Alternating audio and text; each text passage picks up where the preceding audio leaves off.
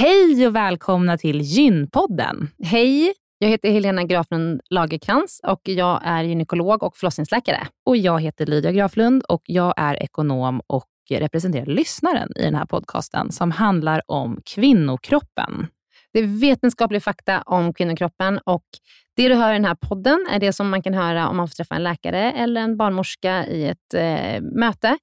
Men ibland så bjuder vi in gäster som berättar om sina personliga erfarenheter och ibland är det också spekulation, men då är det verkligen tydligt att det är spekulation. Annars är grunden för den här podden vetenskaplig fakta om kvinnokroppen. Så är det. Hoppas att ni vill lyssna. Välkomna. Välkomna.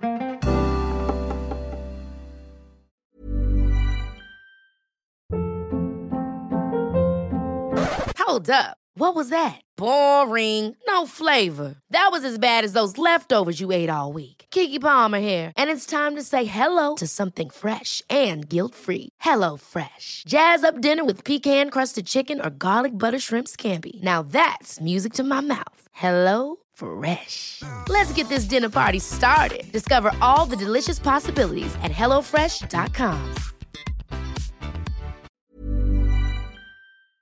Den här veckans avsnitt av Gynpodden är sponsrad av Ester Care. Och Helena, det är ju det bolaget, vårdbolaget, som du och jag har varit med och startat, där vi erbjuder digitala vårdmöten med specialister inom kvinnovård. Precis. Och vi vet att det är väldigt mycket vårdpersonal som lyssnar på Gynpodden, vilket vi är jätteglada för. Och vi behöver alltid fler gynekologer till SDKR. Så därför vill vi nu göra en shout-out till alla er som lyssnar ute som vill vara med och förändra svensk kvinnovård. Vi söker specialister inom gynekologi, men också ST-läkare som har kommit en bit in i sin ST och som vill arbeta digitalt eh, med handledning på, hos oss på SDKR. Mm. Och precis som det är för våra patienter som kan söka vård hos oss, det vill säga att de kan bo vart som helst i landet eftersom vi är digitala. Om man laddar ner appen och så bokar man ett vårdmöte, så kan ju även läkaren bo vart som helst i landet eller flytta under tiden man jobbar hos oss. Det är ju väldigt, väldigt flexibelt eftersom eh, man jobbar hemifrån. Och Jag tänker att det måste ju också vara helt underbart att som läkare kunna arbeta hemifrån och planera sin egen tid några dagar i veckan. Ja, verkligen. Och samtidigt vara med och förändra kvinnovården med kollegor som är otroligt drivna och engagerade. Det är jätteroligt att jobba på SDKR. Och jag tycker att det här är en häftig grej som vi gör just nu, att vi erbjuder gyn, äh, gynvård i hela landet. Och vilka är de vanligaste patientmötena du tar, Helena? Ja, men det är ju klimakteriet, eh, PMS, eh, mensbesvär. Och det är ju såklart ärenden och eh, diagnoser som går att hantera digitalt. Men vi remitterar också vidare när det behövs mm. Eh, och tar labbprover när det behövs mm. och så vidare. Mm. Så gå in på sdcare.com, klicka på jobba hos oss i menyn för att läsa mer och skicka in en ansökan. Tack så mycket. Tack och välkomna. Hej och välkomna till dagens avsnitt av Gynpodden. Hej, hej. Helena, vad ska vi prata om idag? Idag ska vi prata om någonting som många har råkat ut för, men också väldigt många inte vet vad det är för någonting. Mm utomkvedshavandeskap. Mm. Vi får ganska mycket frågor om det, ja. märker jag. Mm. Ektopisk graviditet kallas det också och inom sjukhusvärlden kallar vi det helt enkelt för X. Är det sant? Ja. Är det därför du skrivit det i vårt manus? Ja, för att jag orkade inte skriva utomkvedshavandeskap överallt. Okay. Men kommer vi kalla det för X idag eller kommer vi säga utomkvedshavandeskap? Eh, det får dagens gäst bestämma. Och vem är det? dagens gäst är ingen mindre än Helena Kopp-Kallner. Välkommen. Oh, tack för applåden. Som vi också kallar HKK, så vi håller allt väldigt kort i den här podden. Ja, ja, vi ska vara, precis vara effektiva. Helena ja. har ju varit med så många gånger nu, eh, men kort, du är överläkare inom förlossningsvård och gynekologi. Du är docent och du forskar väldigt mycket på familjeplanering, preventivmedel, abort och på utomkvedshavandeskap. Ja. Framförallt är du frekvent med på Nyhetsmorgon. Ja, ja, inte så ofta nu för tiden. Vill du bli inbjuden lite mer? Helena är det hon behövs. Ja. Mm. Men eh, jag tycker vi kör igång direkt för att vi har mycket frågor. Då kör vi.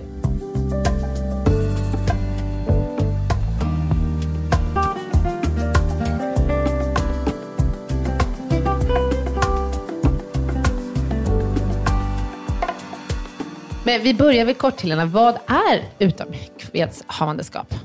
Eh, det betyder helt enkelt att det befruktade ägget eh, fastnar på vägen.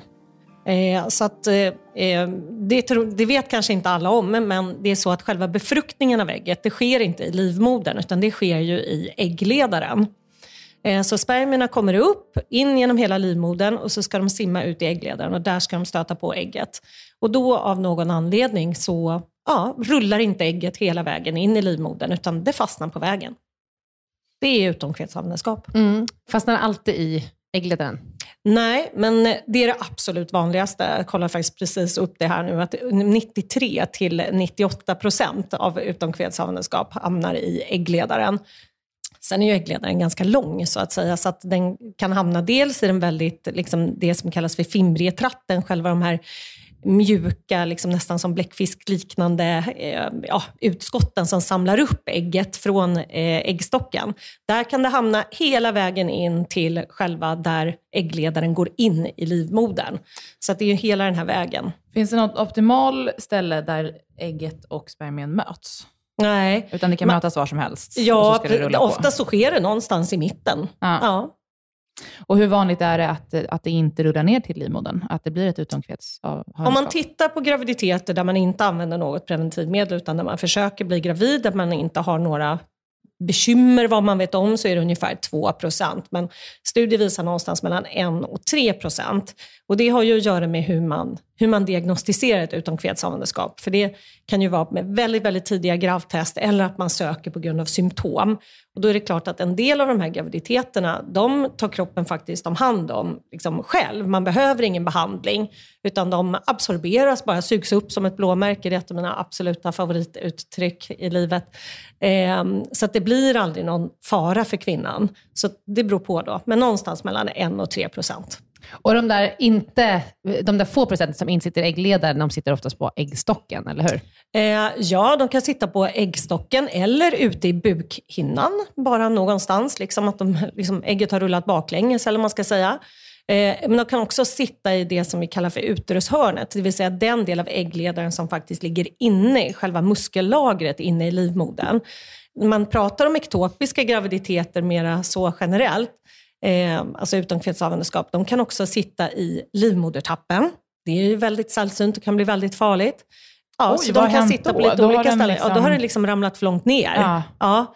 Ibland kan det sätta sig i, i kejsarsnitt. Kejsarsnitt. För den ska också. sätta sig i väggen i livmodern. Den ska sätta sig i livmodern och då ska den sitta i den delen som vi kallar då för korpus, det vill säga den övre delen av livmodern, där livmoderväggen är som tjockast. Och det är för att det är bäst blodförsörjning där och för att det finns bäst förutsättningar för, för graviditeten att kunna växa där utan att det blir farligt för kvinnan. Men vilka symptom får man om man har havan, eh, utomkvedshavandeskap? Alltså den klassiska triaden eh, som man liksom har, har haft sedan urminnes tider, det är ju liksom att man, ja dels så ska man ha antingen då en försenad mens eller ett positivt graviditetstest, det är ju nummer ett. Sedan ska man ha blödning och smärta. Eh, så att det, det är de vanligaste symptomen på utomkvedshavandeskap. Och nu för tiden så vet ju kvinnor om väldigt, väldigt tidigt att de är gravida. Eh, och då är det ju framförallt då blödning och eh, smärta, ofta ensidig smärta då, som gör att kvinnan söker vård. Och i vilken vecka brukar det här komma? När, när brukar man förstå? Eller när brukar det här börja uppdaga sig? Ja, en del tror ju liksom att bara för att man har en blödning när man är i vecka fyra och så, att det skulle kunna tyda på utomkvedshavandeskap. Men det är väldigt ovanligt, utan de flesta utomkvedshavandeskap, de ger inte symptom förrän i slutet på vecka fem, sex, sju, åtta, till och med åtta. Då börjar det bli ganska sent. Eh, Men man kan säga att det klassiska är att man söker i vecka sex. Mm. Det är liksom det vanligaste. Eh, Det är ju lite problematiskt ibland, det här med jättetidiga gravtest. Liksom man får ett positivt gravtest om man kanske är i vecka fyra och sen har man lite blödningar och kanske lite mensvärk eller någonting sånt där. Och så söker man en gynekolog och så ser man ingen graviditet i livmodern, för man ser den inte ännu Nej, med för det är ju ultraljud. helt normalt att inte se Ja. någonting då. Men har man då blödningar och lite ont, då blir ju vi ändå i vården lite så här, "Ha, kan det vara ett utomkvedshavandeskap? Och sen så börjar man följa den här graviditeten för att se. Och då ska man ju efter ett par veckor se den här hindblåsan i livmodern. Och annars får man väl tänka, om, om, om det sen efter ett par veckor blir ett negativt gravtest, då kommer vi aldrig veta om det var ett Nej. utomkvedshavandeskap eller om det bara var ett väldigt tidigt missfall. Nej. Så jag tror, jag tror att ganska många tror att de har haft ett utomkvedshavandeskap för att man vid något tillfälle har nämnt, vi kan inte utesluta att det inte Nej, precis, är det. Exakt. Och då hör patienten, jag har nog det. och sen så vet vi liksom inte riktigt. Nej. Men huvudsaken är ju Och de egentligen betraktar vi ju inte som ett utomkvedshavandeskap. För att det vi, är, det vi är rädda för, det är ju hur vi ska hantera nästa graviditet. För att har man haft ett utomkvedshavandeskap som är diagnostiserat, man har liksom sett det eller man vet att det har varit det, då vill vi ju att man gör ett tidigt ultraljud i nästa graviditet. Eh, och det är ju för att man antar att den här graviditeten på något sätt kan ha skadat äggledaren. Och då ökar risken för att det är ett nytt utomkvedshavandeskap nästa graviditet. Men är graviditeten så otroligt tidig eh, och det är väldigt låga nivåer på eh, graviditetshormonet i blodet, man ser ingenting på ultraljud, då är ju risken att äggledaren ska ha skadats väldigt, väldigt liten. Och då, då är vi inte så rädda för nästa graviditet. Vad är det det kan ha skadats av? Är det att det har satt sig där och Liksom. Ja, precis. Att det, det, det, som händer då, varför är utomkvedshavandeskap farligt kan man mm. säga? Vad är det som är farligt med det? Jo, det är ju att äggledaren är ju inte gjord för att rymma en graviditet, men det fattar ju inte graviditeten, utan den växer ju på som bara den. Och det som händer då, det är ju att äggledaren spänns ut och till slut skadas då, mm. att det blir en stretchskada eller en utspänningsskada, att den, att den spricker. Och det gör eh, och väldigt det, ont. Ja, precis. Men ofta är det ju då de här blödningarna, det är ju ett symptom då på att äggledaren liksom försöker att anpassa sig till den här graviditeten som växer där och det blir småblödningar när den så att säga spricker pyttel, pyttelite grann. Alltså. Precis som att man liksom får en sår någonstans och blöder lite grann.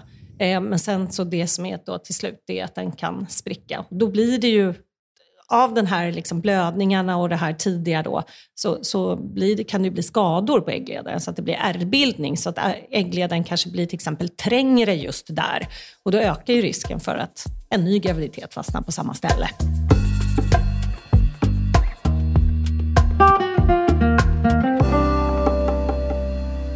Men ska vi prata lite mera om det i, i, i, om man säger så här, i risk för den nya graviditeten? För att vi ska också återkomma till hur man behandlar det här, men mm. ibland opererar man ju bort äggledaren på den sidan där utomkvedshavandeskapet sitter. Mm.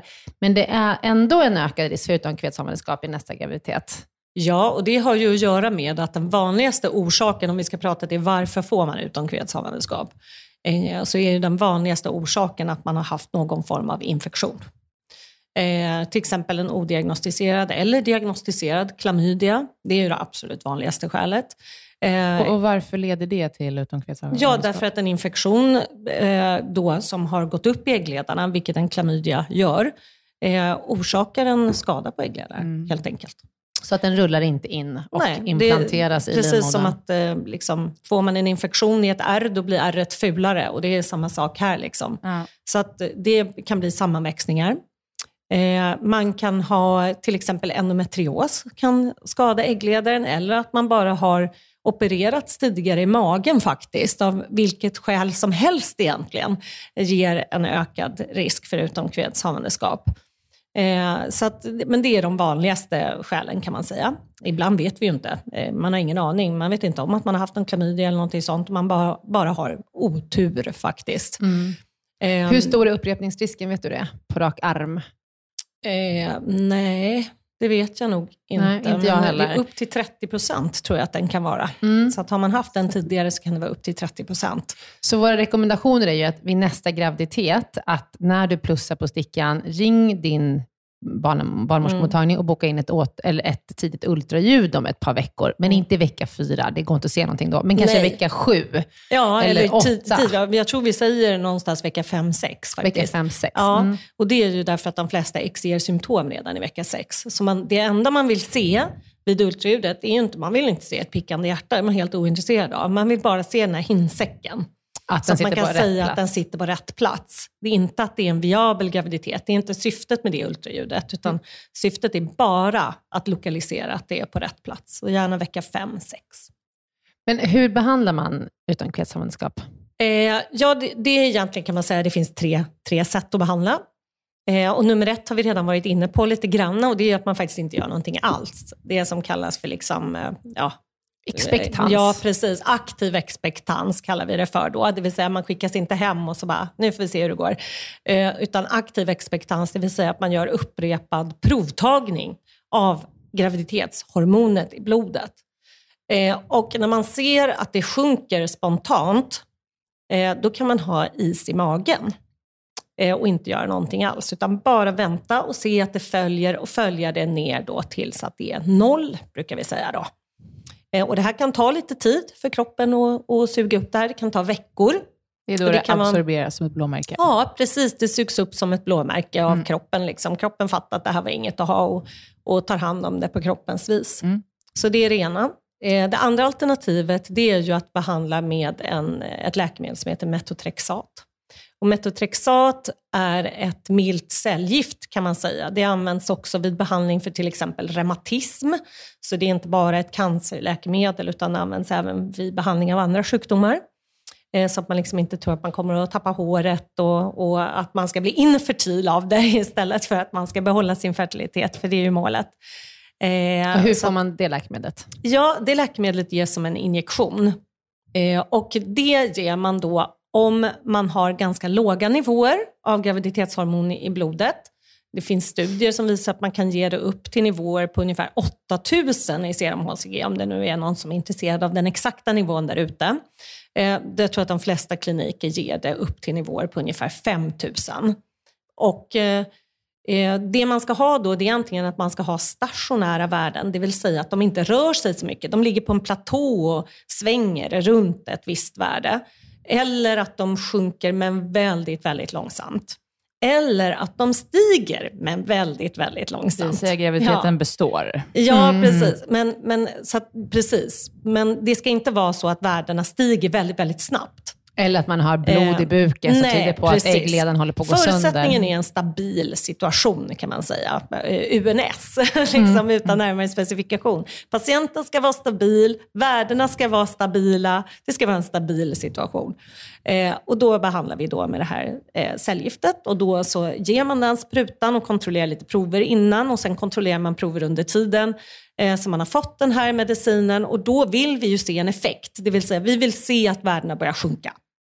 Eh, och har värdena sjunkit över en viss gräns, eh, då gör man ingenting mera. Har de sjunkit under en viss gräns, då kan man ofta få en injektion till. Och har det inte hänt någonting alls, ja, då måste man ju överväga om man ska eh, hitta på någonting annat så att säga. Vad är Och det tredje, det tredje alternativet är då operation. Så men vad är nackdelarna med injektionen? Ja, det är ju då att eh, om det är en graviditet och kvinnan snabbt vill bli gravid igen, då ska hon inte bli gravid på tre månader.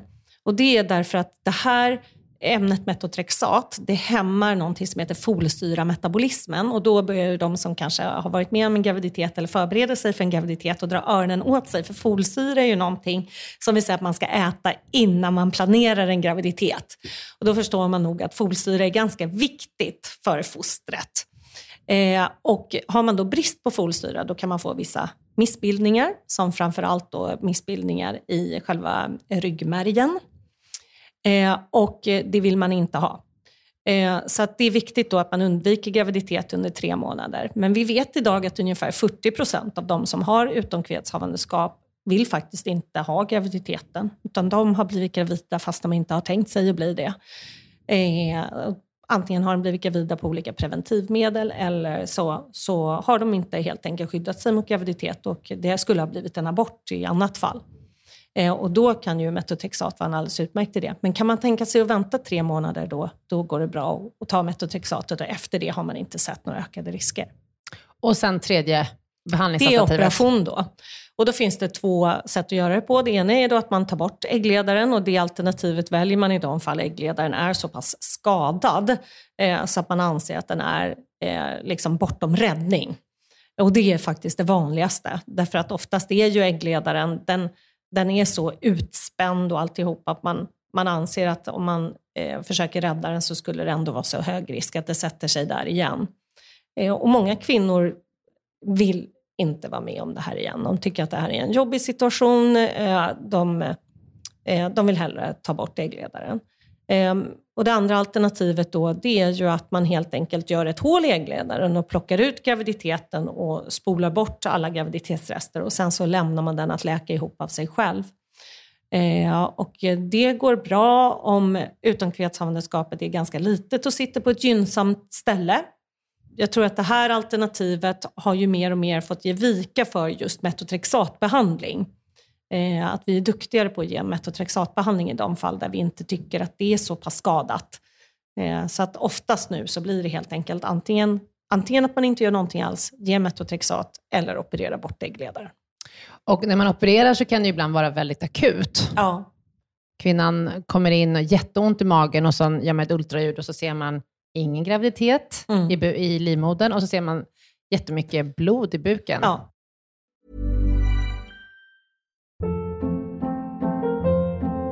Hold up. What was that? Boring. No flavor. That was as bad as those leftovers you ate all week. Kiki Palmer here, and it's time to say hello to something fresh and guilt-free. Hello Fresh. Jazz up dinner with pecan-crusted chicken or garlic butter shrimp scampi. Now that's music to my mouth. Hello Fresh. Let's get this dinner party started. Discover all the delicious possibilities at hellofresh.com.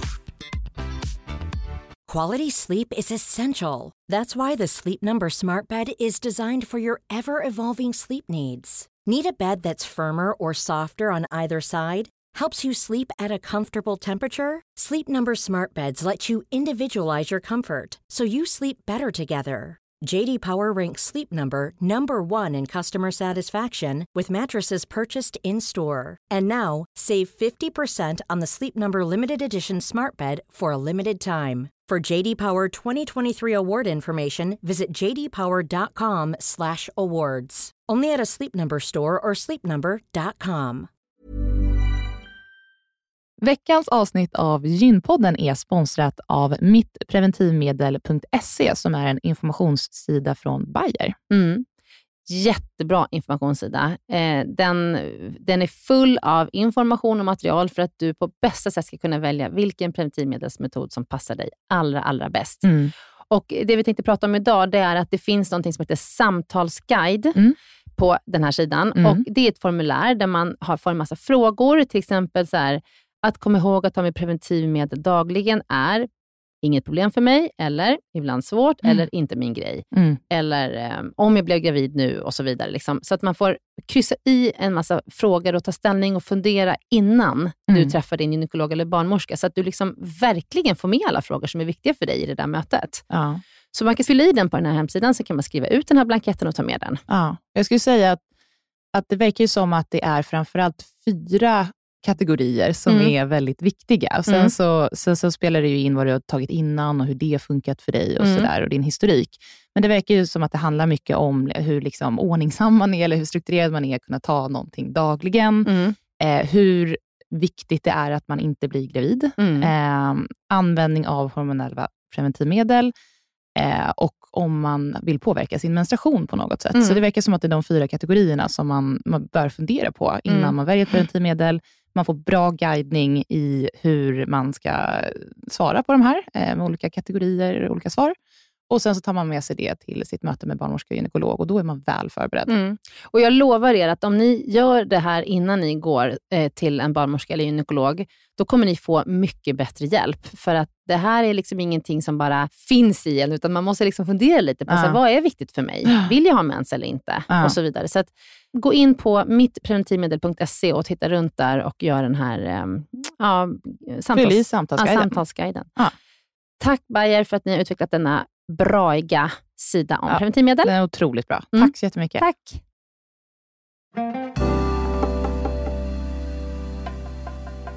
Vad kan hända om man inte får hjälp då? Man bor i ett land ja. där man inte har tillgång till lika bra sjukvård. Ja, alltså tittar man då i länder som sagt som inte har tillgång till lika bra sjukvård, så kan man, man eller tittar man över världen så kan man säga så här att 9% av all dödlighet i första trimestern utgörs av eh, utomkvedshavandeskap. Eh, och eh, det händer absolut i till exempel Afrika. Är det, här en, det, det är verkligen en maternell dödsorsak.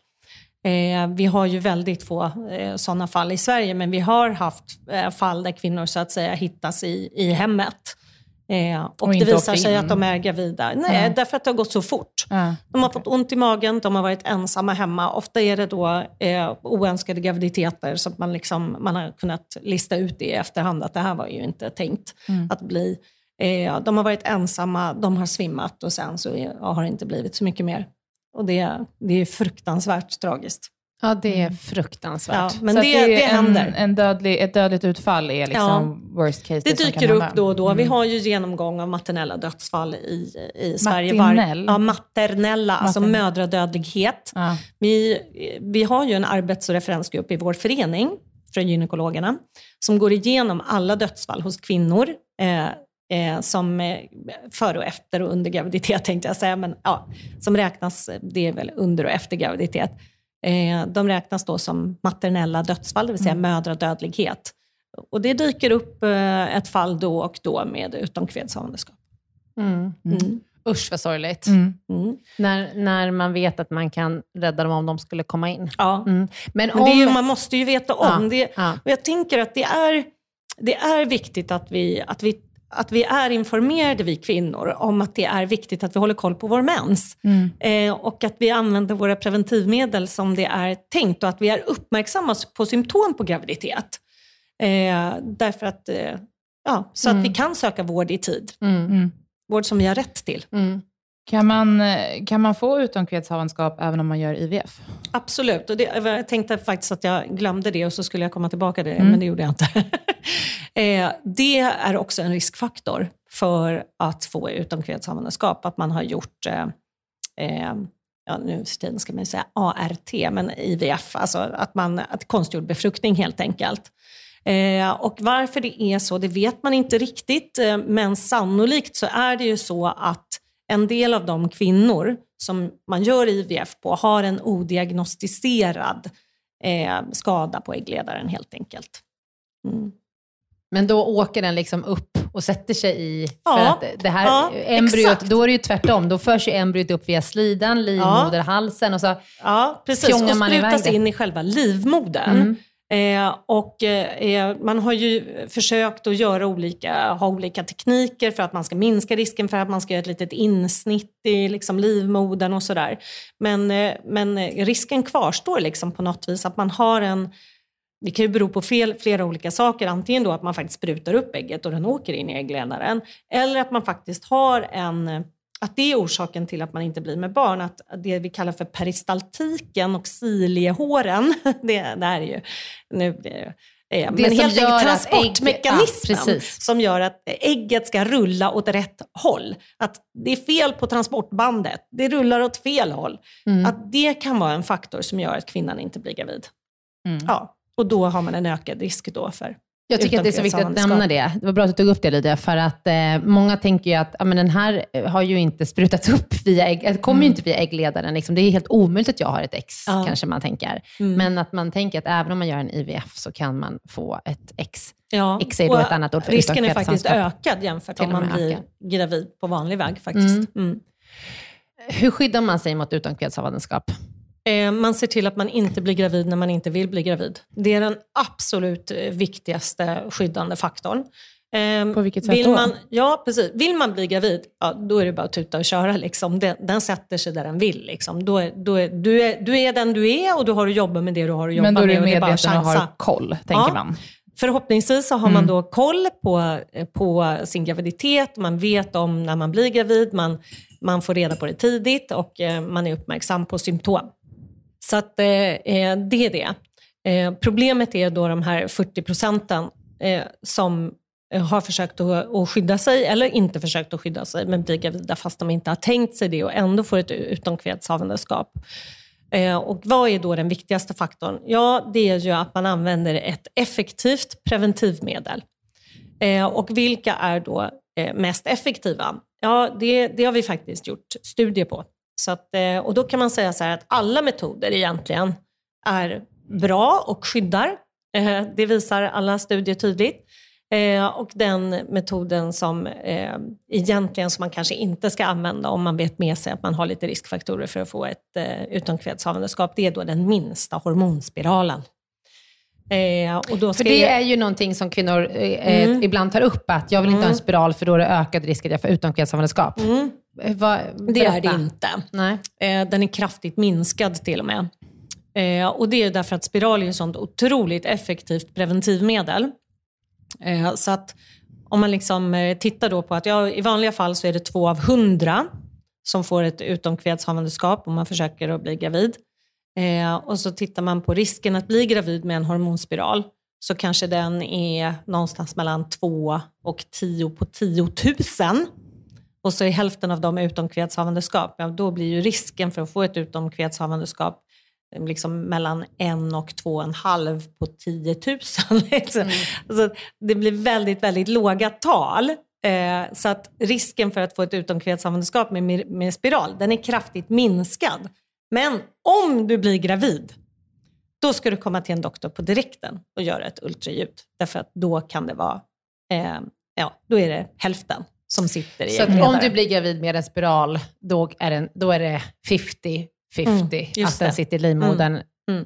Men det är så sjukt ja. sällsynt att ja. man blir gravid med spiral. Mm. Och då kan ju folk tycka att jag har blivit gravid med spiral, jag har blivit gravid med spiral och så får vi liksom nu hundra kommentarer med folk som har blivit gravida med spiral. Jo visst, men det är ju väldigt, väldigt vanligt med spiralanvändning. Mm. Eh, och, eh, så det är fortfarande så att blir man gravid med spiral då ska man tänka sig att jag har gjort allt jag har kunnat för att skydda mig och det finns ingen annan metod som bevisligen är bättre egentligen.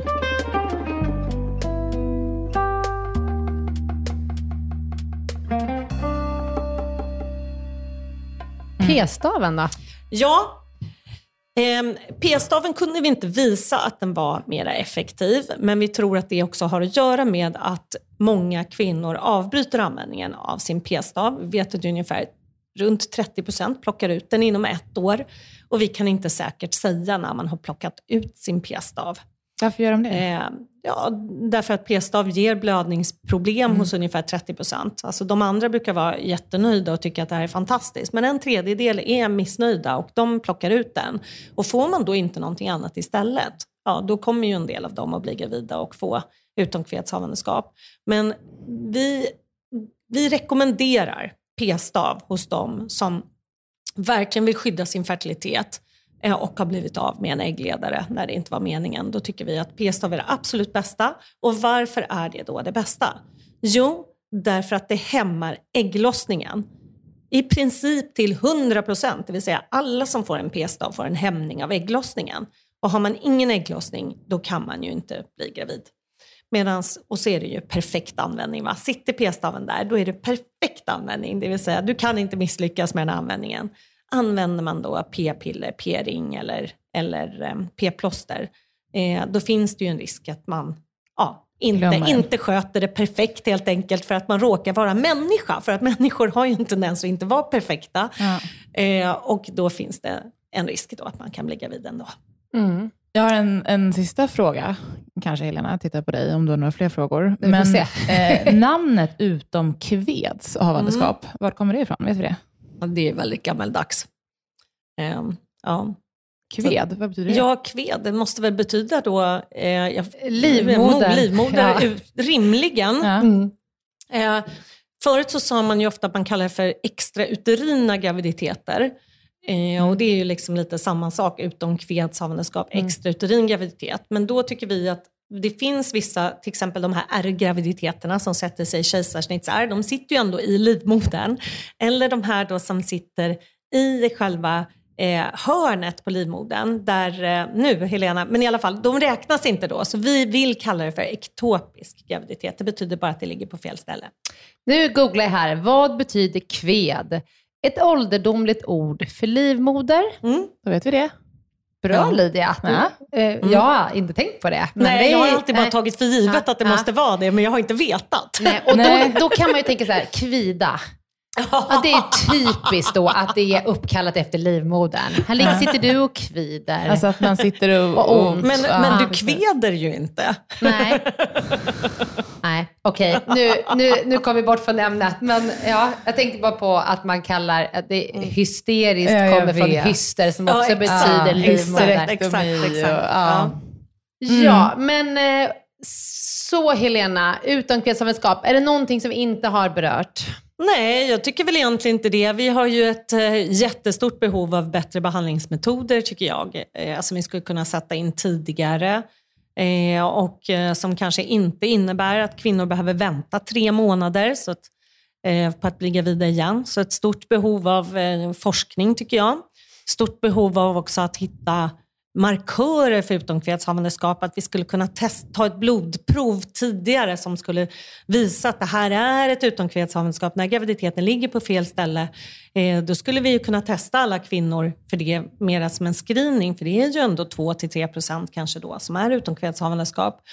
Eh, och då skulle vi kunna identifiera dem lättare tidigare och så ha en mer effektiv behandling. Det är min, min dröm för framtiden. Jag tycker vi ska inte behöva operera bort äggledare på kvinnor och riskera kvinnors liv på det sättet som vi tyvärr måste göra idag. För vi kan inte sy in alla kvinnor med graviditeter och göra tidiga ultraljud eh, på dem när de inte ens kanske vet att de är gravida. Så det är min dröm. Ja, mm. Det låter ju...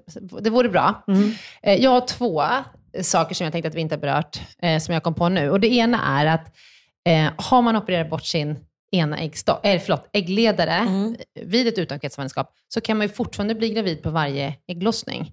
Mm. För att den andra äggledaren med den här fimbrietratten som mm. sitter längst ut, den kan fånga in ägget på båda äggstockarna. Ja, det är helt fascinerande. Men så det kan det vara. Ja. Så att man har liksom inte hälften så stor chans att, alltså att man bara blir gravid varannan ägglossning, utan man kan bli gravid var, varje ägglossning. Och det andra som jag tänkte på är att ibland känner man sig lite tjatig som läkare när man är sådär, du måste komma tillbaka om du har ont, eh, nu, du måste mm. lämna dina prover, vi måste följa tills det är negativt, alltså gravtestet negativt, även fast det kan vara ursekt i slutet. Mm. För det kan ju sjunka väldigt långsamt, de här sista liksom, värdena på graviditetshormonet. Mm. Men det är ju för att vi verkligen vet att det kan gå illa om man inte är noggrann. Så uh, ha tålamod med oss när vi håller på och är nojiga och eh, fertiliteten är bevarad även om du har haft ett utomkretshavandeskap och tagit bort den ena äggstocken, äh, äggledaren.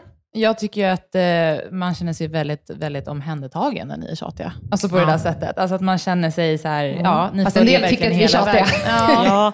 men jag tänker också så här att det handlar ju också om god pedagogik, att man måste förstå varför. Jag tycker så här, om en kvinna får liksom information om att Eh, ja, det här är jätteviktigt, vi måste följa det till noll. Ibland, jättesällan, så stiger det på slutet och det kan bli farligt i alla fall. Mm. Och sen kommer inte kvinnan. Ja, då, då har jag ändå gjort mitt jobb. Att kvinnor måste ju kunna ta ansvar för sin egen hälsa. Mm. Men man ska veta att vi gör det inte bara för att tramsa, utan vi gör det av ett skäl. Mm. Sjukvården idag eh, är inte skapt på det viset att vi gör massa onödiga saker, för att, nej, eh, det har vi inte råd med. Nej, utan nej. säger vi att vi vill att man ska komma tillbaka, då finns det ett bra skäl för det. Mm.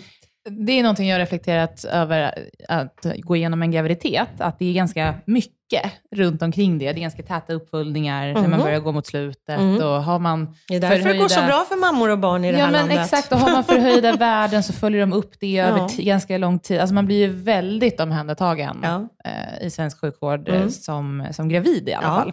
Ja. Det blir man mm. verkligen. Det blir man verkligen. Jag tycker vi ska mm. vara otroligt stolta över vår mödravård. Den är billig och den är effektiv. Ja. Och andra länder där man liksom gör ultraljud hela tiden och kors och tvärs och springer hos doktorer, de har ändå sämre resultat än vad vi har. Utan det är tack vare våra duktiga barnmorskor ja. och vårt eh, rigorösa eh, program som är liksom bara baserat på risk och omhändertagande och trygghet det är därför det går bra. Det är fan, ja, jag är stolt över mm. Sverige i det ja, men Man blir väldigt stolt. Men, och det man också reflekterar över när man går mm. igenom det är, gud, för att jag vet ju också att vi gör ju inget i onödan i svensk mm. sjukvård, utan man, mm. man gör ju det som verkligen behövs. Mm. Och då tänker jag, Tänk i andra länder där de inte har den här sjukvården, mm. vad mycket risker kvinnor utsätter sig för. Man blir ganska ödmjuk när man är gravid. Är en, mm. liksom, ja, verkligen. Som, verkligen. Ja. Ja, men ja. vi rundar av där mm. idag. Tusen mm. tack Helena. Tackar, tackar. vi lär ju få bjuda in dig igen. Ja, kanske det. om, om, om viktiga saker. Ja. Tusen tack för att du var med idag. Tack så mycket. Tack så mycket. Hej. Hej.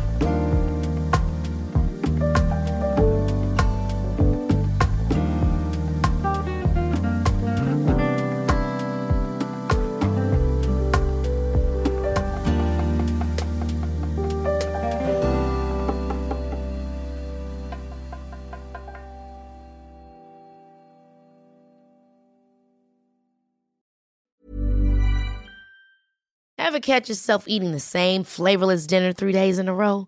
Dreaming of something better? Well, HelloFresh is your guilt-free dream come true, baby. It's me, Gigi Palmer. Let's wake up those taste buds with hot, juicy pecan-crusted chicken or garlic butter shrimp scampi. Mm. Hello Fresh. Stop dreaming of all the delicious possibilities and dig in at HelloFresh.com. Let's get this dinner party started.